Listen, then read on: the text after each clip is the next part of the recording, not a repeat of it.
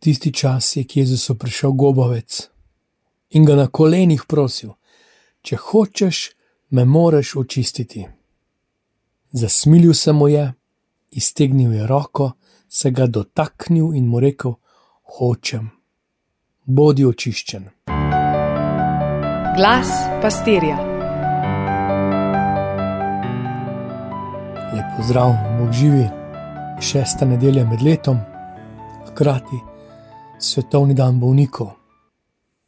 Kjer je dim, je tudi ogen. Ali pa se jabolko ne pade daleč od drevesa.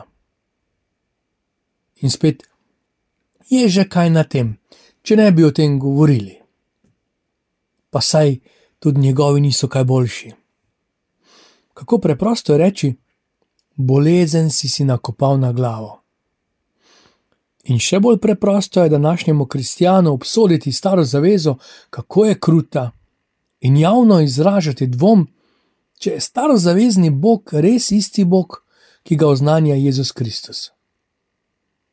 Lahko bi šli tu še naprej, se zgovarjali na vse vojne in poboje, in spet prikladno vse to naprtili Bogu.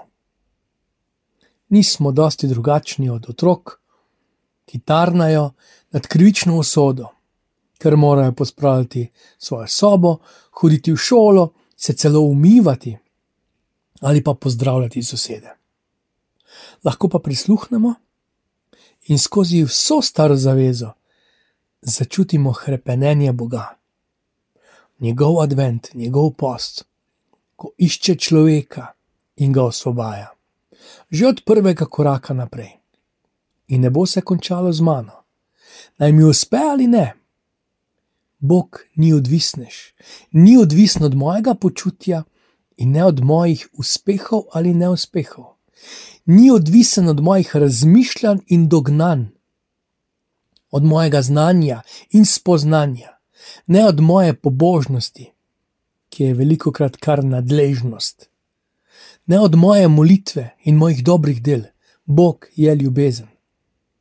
Lepa misel. Ne, je več kot lepa misel več kot ideja. Ljubezen je oseba. Ko pomislim na gobavost, se spomnim enih šmarnic iz otroštva in prebiranje romana o očetu Damjanu, flamski duhovnik, ki je misionaril med gobavci na Madagaskarju. Živel med njimi, živel za njih in umrl z njimi. Kaj so ob njem doživljali? To, da jih ima rad in ko je spregovoril o dobrem Bogu, so lahko zaslutili, da je Bog res dober. Gobavosti ne poznamo. Sam še nisem srečal kakšnega gobavca, pa sem medicinc. Morda pa vseeno nismo popolnoma rešeni te nadloge. Gobavost ni samo telesna bolezen, je področje nečistega, torej zavrženega, je kazen za greh in kot tako tudi krepenje po očiščenju, odpuščanju in ozdravitvi. Posledica gobavosti je bila izključenost iz skupnosti, življenje na robu, brez varnosti pomoči. Gobavec iz Evangelija nima imena, človek je. Zgodilo se mu je, da ga je čas prehitev in povozil. Pravila sveta so ga poteptala. Iskal je zadovoljstvo, morda preveč užitek, zdaj pa je na tleh, vsi se ga izogibajo. To pa poznamo. Hitro koga tudi mi potisnemo na rob. Hitro koga odstranimo iz liste priljubljenih. In ta človek se dokopa do Jezusa. Morda ga je v preteklosti že srečal, Jezusa, pa je zamahnil z roko. Morda bi bil med tistimi, ki jedo sveži kruh in pečene ribe čudeža. Morda bi bil zraven celo ob slovesnem Hozana vstopu v Jeruzalem, morda pa ni in ne bo, ker je gobal. In poskusi še to, če hočeš, me moraš očistiti. Ne spreglejmo, da ga je nagovoril na kolenih. Luka pravi, da je padel na obraz, Matej, da se mu je poklonil do tal. gobal, odrinjen, zavržen, preklet. Spet ne pozabimo, ko so mnogi godrnjali zoper oblast, so pastirji v jaslih počastili Emanuela. Ko so karavane po opravljenih obredih zapuščale praznični Jeruzalem, so se farizeji besedno poigravali z dečkom, staršem pa je bilo razodeto, da sta on in oče eno. Ko so videli izpuščaje prihajati mršavega moškega, se je hudi duh spraševal, ali je božji sin, Janez Krsnik pa je že videl ženina, ki vabi na nebeško gostijo v nebeško kraljestvo. Gobavost, ki je revežu vzela vse, ga je pripeljala, da je počastil Jezusa, da je van izpovedal vero, saj je verjel, da ga lahko zdravi. In želel je, da se uresniči božja volja, še več kot to.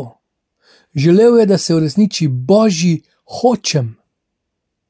Ko se v molitvi bližam Gospodu, je moje srce pri fajn bi bilo, želim si, rad bi ali hočem. In zdaj spravi še svoje telo na kolena. Morda je res priložnost, da poživim in pomazilim tudi molitev telesa.